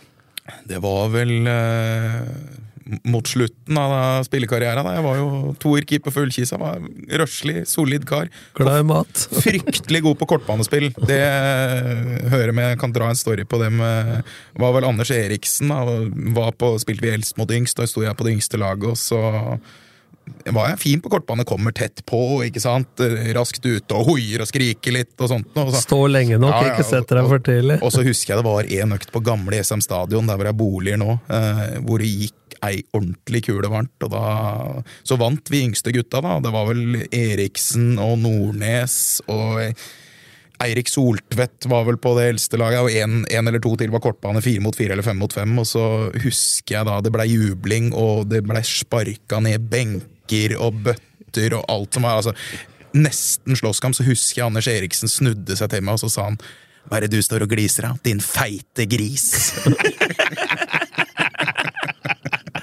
så der kom biffen fra. Det var han, han og Soltvedt som begynte med det. Slå Soltvedt, det, Så her det må jo være så her deilig i seg sjøl. her sitter Biffen, som nå har blitt en uh, Liten kjøttbit. Og her sitter Keiko som er blitt flipper. og Blakeren Jeg, morgenknuter. jeg, jeg, jeg, jeg har gått ned, jeg òg. Jeg går hver morgen, jeg. Du har vært flink til det, Blakeren. Det har jeg Ja. sett. Det er jo for øvrig med Blakeren, det er jo ingenting i verden som slår når du har vært hos frisøren. Da, da Ja, ja, ja. koser jeg meg på Instagram. Fine de frisørvideoene. Men blir Folk- blir han Phil Sol- Det er så det ene sveisen han hadde på Twitter. Det var som skutt ut av Jim Carrey. blir som han Lystløgnen. Det blir alltid som han sånn pannelugg sånn. Phil Du er Phil Foden. Ja, Phil Foden eller Trippier. Trippier! Pleier å bli han Trippier eller han Phil Da sier jeg Jim Carrey. Og, ja. Er ikke det han heter, da? Lystløgnen. Å, fy faen. Ja, det er bra, det. Fotballpodkasten Dødball er straks tilbake.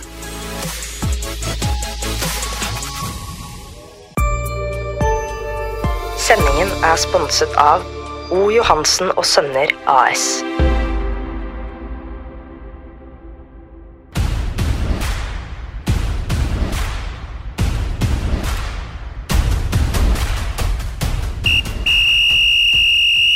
Da er vi over i avdelingen for eh, lokalfotball. Der gjorde vi noen sånne forsøk på å oppdatere litt sist da du ikke var her, eh, Fredrik. Men eh, jeg veit ikke hvor grundige vi var. Du har kanskje noe, noe mer å gå på? Vi, vi var litt innom avdelingsoppsettet der, og vi sist Uh... Vi kan begynne i Andersson divisjon og gå nedover, så det ikke blir så mye sur. Ja, så har vi jo med oss uh, han som foreløpig kontroll. har ansvaret for spillelogistikken i Ullkisa. Ja, ja, Kanskje han- ikke nå, da, men har Nei, men han det. er ansatt i Skisa enda. Ja. Har ikke, no, har ikke noe ansvar nå. Hvordan ser det ut der? Eh, det er Spennende. Store favoritter for, til å rykke opp i 2023, i mine øyne. Det er beholdt kontinuitet fra stallen. Trenerteamet er blitt med videre. Har vel noen nye navn på vei inn. Og fikk resignert Thomas Christoffersen også, så det Hvor, hvor mange av de som var med i fjor, er det som ikke, definitivt ikke er med videre? Nei, Det er uavklart med sånn som Stian Ringstad og Ole Kristian Langås. Eh, tipper vel kanskje om begge blir med, tviler jeg på. Eh, kanskje en av dem. Det, får, ja, det er jo ikke opp til meg å vurdere det, men de har jo ikke kontrakter videre. Og så har han Johan Kosberg som kom fra Stjørdalsblink, som eh, vel reiser hjem til Trøndelag. Steffen Jensen har kontrakt. Steffen Jensen har kontrakt ett år til. Eh, Sørløk også. Sørløk har kontrakt ett år til. Hvis den ikke blir solgt, så blir jo han. Så Nei, Det bør være bra kontinuitet. Man får med Mathias Blårud gjennom hele sesongen. Han Kristoffersen har forlenga. Jarmund Kvernstuen er jo kanonspiller, men har vært for mye skadd i 2022, så hvis man får han frisk og rask, så Hva er det skadeproblematikken har vært? Er det strekker, eller? ja. Er for kjapp, han da. Er for rask. Men han, han er lynrask og en fantastisk Har Henning så- vært mye skada, eller? Henning eh, har også vært litt skadd, så han nå er uavklart. Han nevnte jeg ikke i stad, men det er vel kun da Tønsberg Andresen, Langås og Ringstad, de aller mest etablerte, som, som foreløpig forsvinner. Da. Er Langås fortsatt fysioterapeut, eller er han eh, Det har han ikke vært i 2022. Nei, for da han var tilbake, han Bare vært spiller. Bare vært spiller. Og da var han plutselig bedre som spiller enn nå. Ja, Da ble han plutselig flytta fram igjen, da. Hva- Han har spilt overalt, han, stort sett. Så. Ja, men Han var jo liksom, ble på en måte omskolert litt til uh, mer forsvarsspiller, og så plutselig så begynte han å skåre mål igjen. Ja, han tilførte oss noe feilvendt i spillet der, så det var vel det som var primærårsaken. Så, så så den avdelingen, så var det vel ikke noe mindre grunn til å være optimist, egentlig? eller? Hvem kom den samme? Det var jo da samme med Tromsdalen og Alta, som han har vært i fjor. Og så er det Levanger og Stjørdalsblink, og Stjørdalsblink har jo ikke penger. Og nå leste jeg at det mulig må starte sesongen med minus åtte. Ja, Så da, er den ferdig. det er jo Minus åtte, det er ikke noe vinner. Mye bedre å få de enn Grorud, og Levanger har jo mista de to beste spillerne sine, har gått til Raufoss. Uh, og så var det vel Kvikk Halden, da. Som uh, vi kanskje kommer inn på nå etter hvert her, for grunn av en Ny, ny trener Erlandsen. som har vært på Kisa. Arne Erlandsen, ansatt som trener der i dag. Så det er, det er jo spennende med Arne, men samtidig det er for, Men eh, bare ta det med Arne. For han Jørgen Lacour, som var på juniorlaget til LSK, sa jo opp i Kvikkhallen. Ja, han hadde jo dem. Han kom Ja, jo tilbake. Og og da, nå leste jeg at de ikke skulle ansette trener på heltid. Er Erlandsen på deltid? Skal pendle til Halden? Dette høres Dette er så ferskt at dette, Ja. det vet Det må vi helt ta Det må. Sves Gravei. Men det, de har vel, det har vel vært ute og sagt at de skal bruke mindre ressurser på lønnskostnader spillere. Og det Ja, var, så sånn jeg skjønt, så var det derfor han Heidar Geir Juliusson, som har trent laget i år, ikke ble med videre. Så, Det blir fort en annen type fotball enn de i hvert fall spilte under Bergersen nå, da. men de er vel eneste lag på gress da, i den avdelinga. Ja, det er fordel. Så, men, men Ullkisa er store favoritter i, I min bok, i hvert fall. Og så har vi Er du, er du mer frittalende på det nå? Hadde du sagt det samme hvis du skulle fortsette det? Jeg hadde, hadde kanskje moderert meg litt, men, men, Ja, bra, men, men i 2023 så bør man rykke opp. Når man, altså, Alta og Tromsdalen var man 20 og 21 poeng foran i fjor, og det ser ut som de sterkeste konkurrentene akkurat nå. Ja, for Arendal og Egersund og sånn er i andre pulje. Ja. Arendal og Egersund er i andre, Kjelsås er i andre, Lyn er i Grorud. andre, Grorud er i Det andre. er tøffere pulje enn andre, da, sånn Ja. på papiret. Ja. Men man har Strømmen, da, så får det lokaloppgjøret. Det er jo, Det er jo to tøft ganger to. Det er to tap, Eh, som regel, ikke Ja, men det bør jo ikke bli det i Nei. heller. Nei, men det er jo veldig ofte, selv om de har vært underdog, så har de lagd litt trøbbel for Kisa. Vi vant vel i 2017 vant vel 4-3 der når Sandberg skåra på en straffe. Og så vant dere jo 4-0 i serieåpningen her et år, da, i Obos, men da, det var ikke akkurat noen klassisk fire Det var i 2020, det. Eller var det 2021, da? Var ikke det det året LSK var oppe? Kanskje det var da. Kanskje det Men så er det noe på vei inn, da. Spilleren jeg hadde i, i Skeid, som har vært i Koffa og havna på benken etter hvert, sånn, han er rask og sånn, Romeras Var det er nye, nyheter her nå? Moamanin. Eks-Grorud og, og Skeid. Vært i Koffa to-tre sesonger nå. Uh, var fast å begynne med. Mista plassen i år, vel, eh, til Robin Rask. Er jo en glimrende tekniker som etter hvert har fått bedre fysi fysikk og blitt boks til boks, og som Landro sikkert kan få uh, litt restart igjen på, som har veldig høyt ferdighetsnivå. Da. Så det vil jeg påstå er en forsterkning for Kisa. Hvis han blir klar, da, så har jo da Manin, Thomas Christoffersen og Mathias Blårud i sentralt Den er, den er sterk. Da har du tekniker, frisparkfot og maskin. Det er Obos eh, midtbane, det, da. Ja. I hvert fall for noen år siden. Og så- har du Sondre Sørløk eh, som er med videre, og så har du Ole Sebastian Sundgodt som må huske på at han var, hadde flest spillemål i Ullkisa. i- Han er jo en målskårer. Han er en målskårer, og så har du Andreas Nyhagen som leverte bra med målpoeng. Jonas Pereira han er jo et monster på offensiv dødball. Hadde vel fem eller seks goller. Steffen Jensen kontrakt videre. Stefan Hagerup uh, i kassa der, så vi ja, får Men vi, vi påstår i år at det var litt sånn Ikke krise, men at det var for dårlig ikke rykke opp, da. Og Blakeren var jo så tydelig, for han, han eh, skulle jo opp og dele ut priser etter sesongen på det han kalte for Ullkisa kino. Har du hørt om den? den, har, den har jeg ikke hørt om. Den har jeg ikke hørt om. så det ble ikke noe av. Det ble ikke noe av. Men, eh, men eh, Ja, for Det var jo en dårlig, egentlig en sånn middels dårlig start der, men så fikk du jo et voldsomt drag lenge der. Ja, det var jo helt sjukt. Det var ti kamper av eller noe sånt. Ja, så er det, jo, det er jo borte man har mista det opprykket. Borte Asker spilte man 0-0, borte Hødd ble det 1-1. Selv om det var en ålreit match, så slapp man dem tilbake igjen. Eh, Borte Kjelsås ble det 2-2, lå under 2-0 før det var spilt fem minutter, og så har du tap mot eh, Brattvåg og Tromsdalen i tillegg, og det er jo det som ødela sesongen. Hjemmet var jo kjempebra. Gjøviklyn borte, men, men den, var liksom, den var i starten av sesongen. Det er jo borteformen på høsten som ødela for Ullkisa. Ja. Og så trodde jeg sånn mentalt sett også, når du slo Hødd hjemme der Gjorde du vel det? Jo. Ja, ja. Da trodde jeg liksom at nå rykker Kisa opp. Og så går man på smell et par kamper etterpå, vel? Eller da spiller vi 0-0 mot Asker borte i neste. Da. Men vi var klar over at den var tøff, og de hadde liksom stabla alt de hadde på banen. Og, og var banen siste på Føyka sjansen er- deres, da. Ja da, og det, banen på Føyka er liten, og de forsvarte seg bra med Fikk Kim André Madsen og Erlend Lee Jones som stopper og lå lavt og sånt, men, så vi klarte ikke bryte ned dem. Så det, det er jo ergerlig at man ikke kom seg opp i 2022, men nå gjøres det et skikkelig forsøk i 2023 òg, så det er bra. Ny daglig leder og Så det er ikke noen budsjettredusering og sånne ting? Nei, eh, i, i min bok så ser det jo Nå har ikke jeg oversikt på de tinga, men når man ansetter en person til i administrasjonen enn hva man har vært, og ny daglig leder inn, og, og så har jeg jo inntrykk at det skal være på samme nivå rundt A-laget, i hvert fall. Så jeg, Ja, det, synes det er jo en daglig leder som er LSK-supporter. så vidt Jeg Jeg kjente jo igjen navnet fra, fra LSK. Tom, Tom- Thomas Folke Løvdahl heter han. Men jeg har sagt det i alle året, at eh, beliggenheten i Jessheim by, nærmere Gardermoen, eh, blitt eh, etter hvert en organisasjonskultur, og så har det blitt etter hvert en treningskultur da, på dagtid.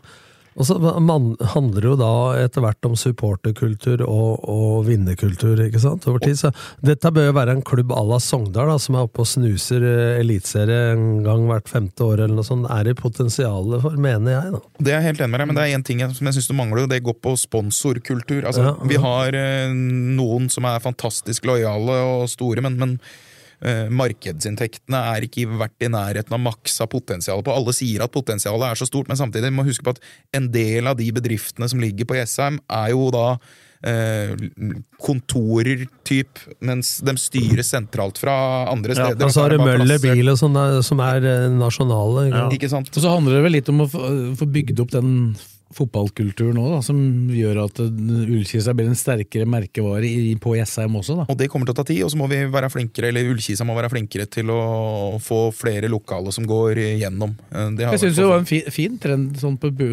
selv om det sikkert ikke la igjen så mye penger, at du fikk en del publikum der på slutten. Og det, må, det er jo mange som spiller i Ullkisa nå, som er yngre. Ja, og, og- få de på kamper og Absolutt. Så man må, jo, man må jo få med seg barna. Det er nøkkelen, og det klarte man mot både Hødd og Arendal og Eidsvoll-turen, så da var det vel mellom, eh, mellom eh, 800 og 1100 på de tre, tror jeg. Så det er dit du må etter hvert. Altså, Vi kan jo ta Har det skjedd noe i strømmen, da? Ja, Strømmen, da. jeg, jeg prøvde å få noe prate med en i stad, men han eh, hadde ikke hørt noe mer. Strømmen, og samme snakka jeg med Bakkhaug i Eidsvollturen. Ikke noe mer der heller. Men nå er statusen i Strømmen litt annerledes enn den var i fjor. Da. De Ja. har jo mye mer på plass. Ja, mer er på plass der. Ja, for det... du bør vite om strømmen. Du har egen kopp der oppe, så du Ja, må ha kontroll på strømmen. men den, jeg tror Strømmen kommer til å slå fra seg jeg, i andre divisjon i år. Men Eidsvoll-turen har jo ikke fått på plass trener ennå heller. Nei, de så- prøvde vel på han Øystein Garborg, tror jeg. Ja, jeg- han havna i Bærum. Pra- Prata med Bakkhaug i stad, han sa det var ikke noe nytt på Eidsvollturen. Han, han sender meg melding når det er noe. Men, men Eidsvoll-turen da, Blakkaren, dem har jo havna i dødens Ja. gruppe med Hønefoss og Gunnar Halle som Ja. skal rett opp, og Åge Thoresen som har åpna pengesekken, som har sagt vi skal opp to ganger på to år. Men har de og- prøvd før, da? Jo da, og så, og så har du i tillegg Elverum er vel der, Brumunddal er vel der. Jeg kan bekrefte at det er penger der, for å si det sånn. Men da, da, da, da, litt, da blir det litt motsatt av det vi trodde. For jeg trodde jo Eidsvollturen, hvis de holder stammen i det laget, så rykker de rett opp igjen. For tredjedivisjon og andredivisjon er den største forskjellen. Men desidert tøffeste tredjedivisjonsavdelinga. Florø og Førde er ikke nevnt der, og det ja, den er Ja, disse avdelingene var helt Men, men samtidig, da, når du fikk de avdelinga hvor du da Vi, vi har jo snakka om de tre beste laga på Romerike. Eidsvollturen som kommer ned. Ja. Gjelleråsen som akkurat ikke rykka opp, og Lørenskog som har ambisjoner. Du fikk jo spredt dem på tre avdelinger. Ja. Altså, potensielt kunne jo alle, kan jo alle tre gå opp nå, da. Det kunne jo ikke skjedd hvis de hadde kommet sammen. Ja, det- Med den satsinga til Hønefoss så går det jo ikke an å si at Eidsvoll-turen er favoritter til å rykke opp. Det, Men er det Gjelleråsen eh, Kjenner dere noe til han som er trener der? Husker Hva- ikke navnet. Hva het den? Omli, var det det? Ja. Nei. Mm, Vi får høre med breddefotballeksperten. Nei, jeg har ikke uh, fått med han, jeg. Nei, for trener, for trener skal de ha. Men da, har det, det er det altså Gjelleråsen er uten trener, da. Og, og, ja. For Lørenskog, der fortsetter vel han eh, Knut Arne Johansen. Det tror jeg. Ja, det gjør den. Og dem har gjort litt på fått Ja, de har fått blant Sandberg, og dem skal Det er også bevært lag i hvert fall som bør være i Post Nord, da, og kanskje lukte på Obos noen ganger. Altså Hvis du tenker på befolkningstilveksten på Lørenskog, Mm. og 120 lag i klubben, og, og det er mye med anlegget der osv., så, videre, så bør jo det også helt klokkeklart ikke være en tredjedivisjonsklubb. Sand, Sandberg, Stian Sandberg, eller? Ja. Han har gått dit, ja. Ja, det han, han trente litt med oss i høst. Det er, det er voldsom signering, faktisk. Ja. Det er en bra pakke. det, er mål, det er målskårer. Det er en bra pakke. Ordentlig bra signering. Det. Nei, så har vi prata litt om Skjetten. Jeg trodde kanskje Osvold fra Fett dit, men nå hører jeg at Osvold har, øh, har, vært, Joakim Osvold. ja, har vært på møte med Løvenstad.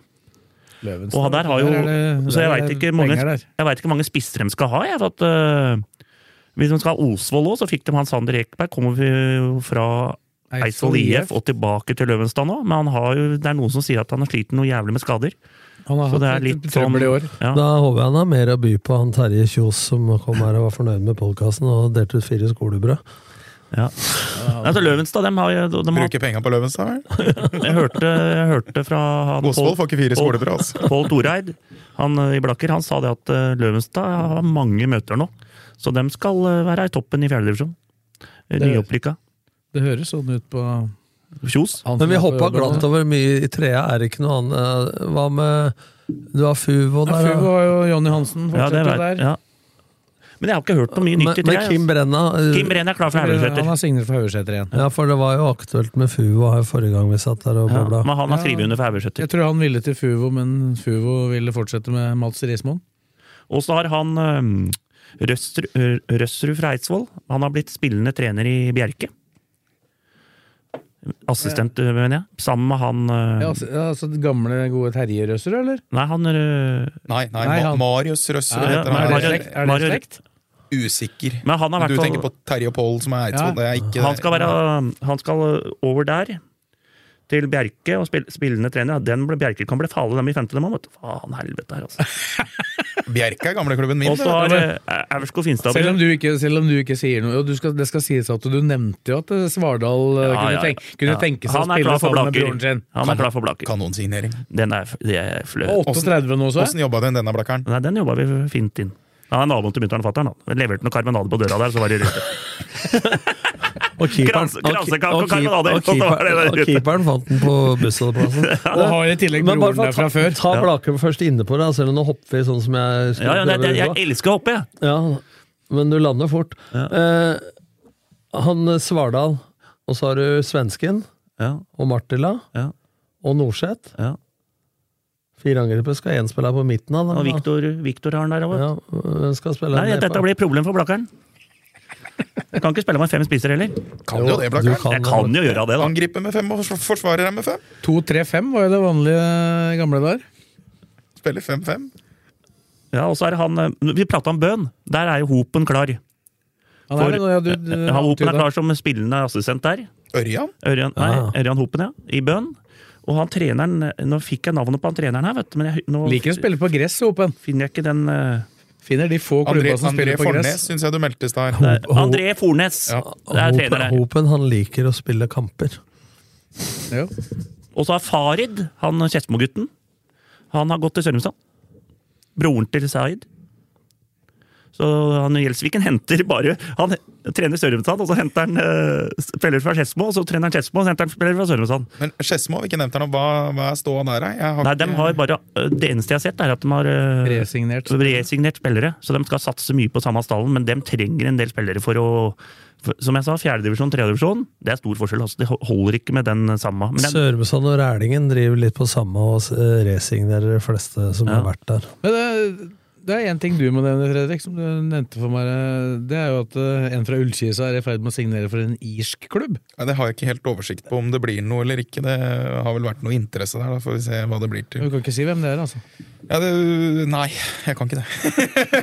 Men du veit jo. Jeg vet jo det. Han, hus han, han husker ikke navnet. Jo da. Da Nei. Silva. Nei, ja, nei, han har gjort det veldig bra for Ullkisa, men jeg veit Var det han som er blanding av norske og spanske navn? Nei, Philip da Silva, Nei. er det ikke det? det er det jeg har, jeg. Jeg har ikke noe mer, jeg. Men Det ble jævla bra, dette her i dag. Fikk jo opp litt nå i dag òg. Du evaluerer deg sjøl, hører jeg. Jeg er enig, Blakkaren. Jeg er enig, jeg syns det var bra. Det var mye, mye klubber og Ja, ja, men mye litt det var verdt. Dette bør kunne frontes på RBNO, det med at her drar Blakkaren Du, nå må vi hele- komme på forsida snart igjen. På den der avisa deres. Hvem skal på forsida? er bilder altså sånn, litt at det kommer litt potten. Å, kommer litt. bygger merkevarer. Ja, men vi har ikke fått skolebrød på sju episoder, jo. Tallene står stille, vel? Det er vel derfor. Må jævla fine de kanalbollene fikk sitt her, da. Kan. Er. Kanalboller, kan, kanelboller? Det må vel ha vært før sommeren, det, eller? Ja, den var god, altså. Godt av den. Men åssen er tallet? Er det bra tall? Ja da. Det er noen som hører på oss. Utrolig nok, si. Ja, ja, de har vært fornøyd. Overraskende. Men Biffen blir jo ny sånn uh, gjest da, nå hele tida. Nå er det jo, I løpet av 14 dager så kommer han ikke til å si noen ting. Nei, vi må Jo, få nå kan det mellom Men, eh, alt annet enn LSK. Men, eh, Ja, han, er, han, er, han er sterk på Kisa nå. men, men vi må få han inn i slutten av januar når han har hatt en måned med gutta og keepera og sånn. Det bør vi jo få. nå. Blakeren har tatt over redaktøransvaret her nå. Jeg stiller opp hvis jeg blir invitert, da. Da er jeg Blakeren. Ja, ja, det er bra. sånn. Det er ikke alle her som er noenlunde muntlig. Det, er, er godt representert på muntlig her. Så det går fint. Nei, skal vi, er det bra, da? Men jula? Vi må, jul. Ja, skal, vi ta, skal vi ta en romjul? Skal vi prate litt om jula? Nei, hva skal dere gjøre i jula, Blakkaren? Nei, Jeg skal til søstera mi på julaften, og så er fattern har bursdag lille julaften. Og så skal jeg bort til han. Og så skal jeg komme mulig opp til Trysil på nyttårsaften. Det blir sikkert rolig. Det hørtes, det hørtes rolig ut. Da, da må jeg høre hvilket lag er det. Det er, det er Håken og Krogeren og Stok Stokken og Mikkelvår og hele bøtteballetten. Da er dere advart oppe i Trysil. For å si det sånn, mitt tips du er i seng før nyttårsaften er eh, over. Og god jul. Ja, mor di, ja. Som jeg kalte Bjørn. Bjørg, Bjørg Larsen. Ja, hun går det bra med. Hva heter hun egentlig? Sigrun? Jeg har møtt mora mi 100 ganger, og du veit ikke navnet enda. Altså, jeg er dårlig på navn, da. Men jeg husker hva mora mi heter. altså. Og Du vet ikke hva mora mi heter, da? Nei, nei, nei, nei. Men jeg kalte kalt deg for Bjørg. Ja, Sves. Nei. Julaften i Baglegata. Nei, det blir ikke det i år. Nei. Det blir ikke det. Trondheim. Gjerdrum? Nei, i Grue. Sol, solør i helga. Jula. Gjerdrum. Faen, jeg bland- blander navn, vet du. Det blir, det blir ikke Gjerdrum. klaga på meg på navn. Skal sende Svesing til Gjerdrum. Ja, men- Kjenner ingen der. Grue Grue Gjerdrum? Nei, fy faen. Kanskje du skal legge av på røret her nå. Ja, hva er Fredrik, da? Ja, da skal, nå får jeg hente de plusspoengene jeg kan på slutten. Da skal jeg være familiemann i jula. skal jeg være Ja. familiemann, så vi holder hele storfamilien på min side samla. Så dette blir vel siste episoden da, før nyttår? Og du skal til Skien, regner jeg med? Ja, onsdag ettermiddag. Men vi kjører i gang 2. januar, vi da vel? Tredje, kanskje? Ja. Ja. Skal jeg først se på, se på folka teste på i hallen der, tenker jeg. Så. Ja. Regner Tre, med at vi tredje er det mandag? Det er tirs... Ja, tredje er mandag. Ja, så vi kjører episode alle kjære Nei, nei, er nei. nei. Er det andre? Nei, det er andre for mandag. Ja, da blir det fort andre, da. Jeg tror det starter tirsdag 3. Riktig. Ja. For, Vi får se, da. Da får vi, da må lyt- lyttere følge med. Det blir 2., 3. eller 4. januar. Vi er tilbake, så vi må jo bare ønske alle god jul og Vi får håpe vi kommer tilbake. Det er nye budsjetter og alt uh, på nyåret, men jeg har ikke hørt noe om at vi skal legges ned, så da regner jeg med at vi er tilbake. Men du skal vel til Gran Canaria, eller? Skal ikke det? Nei, det er ikke planen, det. RB skal ikke til Gran Canaria med LSK der? Altså. Det er jo sosialleir, er det ikke det? Så vi Ja, får vel, men du- kanskje den, når du skal til Malaga, kanskje du blir med? Malaga. Er det ikke det? Marbella? Marbella, da er vi med. Vi skal lander i Malaga. Vi skal, se, vi skal sende alle treningskamper til Lillestrøm omtrent i år, bortsett fra muligens de på Marbella. Og så skal jo den um, fjerdedivisjonen skal sendes. Ja. Men å ta opp, ta opp én ting før vi sier god jul. Det har jo vært en del klaging i sosiale medier på at eh, de kampene LSK skal ha hjemme her i LSK-hallen, er fredag klokka to. Så sier folk kan du ikke legge dem til fem, seks osv. Min erfaring er én at hvis kampa går to eh, Nå er det torsdag den nye fredagen, så er det stappfullt i hallen allikevel. Eh, så må folk tenke på det at spillere er opptatt av kanskje tre-fire helger i året de ikke eh, har fri, og at de av sportslige hensyn og mentalt overskudd nå spiller en del fredager, så folk kan dra bort fredag klokka tre-fire istedenfor klokka ni-ti om kvelden, og ha en helg med egentrening. En fem-seks helger i løpet av vinteren, og tape bare fem-seks fellestreninger. da. Hva du får igjen for det mentalt, så jeg regner med at supportere har lyst til å se laget vinne, så jeg tror det har større betydning enn folk tror, da, at de timene der. Og så spiller man jo ikke fotball for alle andre, så man må først ta hensyn til det sportslige. Altså, Det er, ikke, det er ikke ekstreme forskjeller på de publikumstallene. Det eh, spiller, du, spiller du da på lørdag klokka to eventuelt, da, så konkurrerer du med Premier League og masse annet. Ja, men dette var snakk om da å spille fem-seks istedenfor klokka to på en fredag, ikke sant? Så, men det er eh, en kabal som skal gå opp, da, så jeg forstår begge, begge sider her. Men eh, jeg har jo sjøl vært tilhenger, eh, når jeg var trener, at annenhver helg spilte vi fredag tidlig.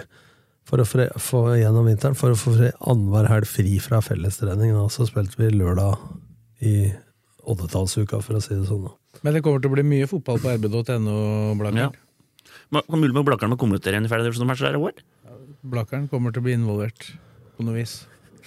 Ja, for det er én kamp per runde i fjerde, En kamp per runde. på TV. Da kan du ha egen pølsebørs i bua, vet du. Ja, det blir mye pølsebørs. Vi skal uh, skjerpe Ja, der må vi opp, i, Vi skal, vi skal opp der må vi faktisk opp, for folk faktisk- spør etter den Jeg er pølsebørsen. faktisk redd du Du har, ha spi, du har rett og slett spist Du har blitt slunken. Du har Ja. spist for lite pølse. Ja, Jeg er redd du må ha en kommentator ved siden av deg. Altså. Men jeg kan jo si hvem som ikke skal sitte med deg aleine. Kisa hadde faktisk fine pølser.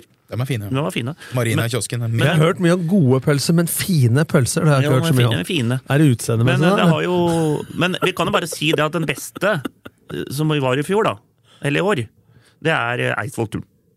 Toten kjøtt med olalomper. Så Eidsvoll-turen de vant pølsebørsen. Ja. De vant arrangørprisen. Men rykkende. Og så vant de sosiale medieprisen.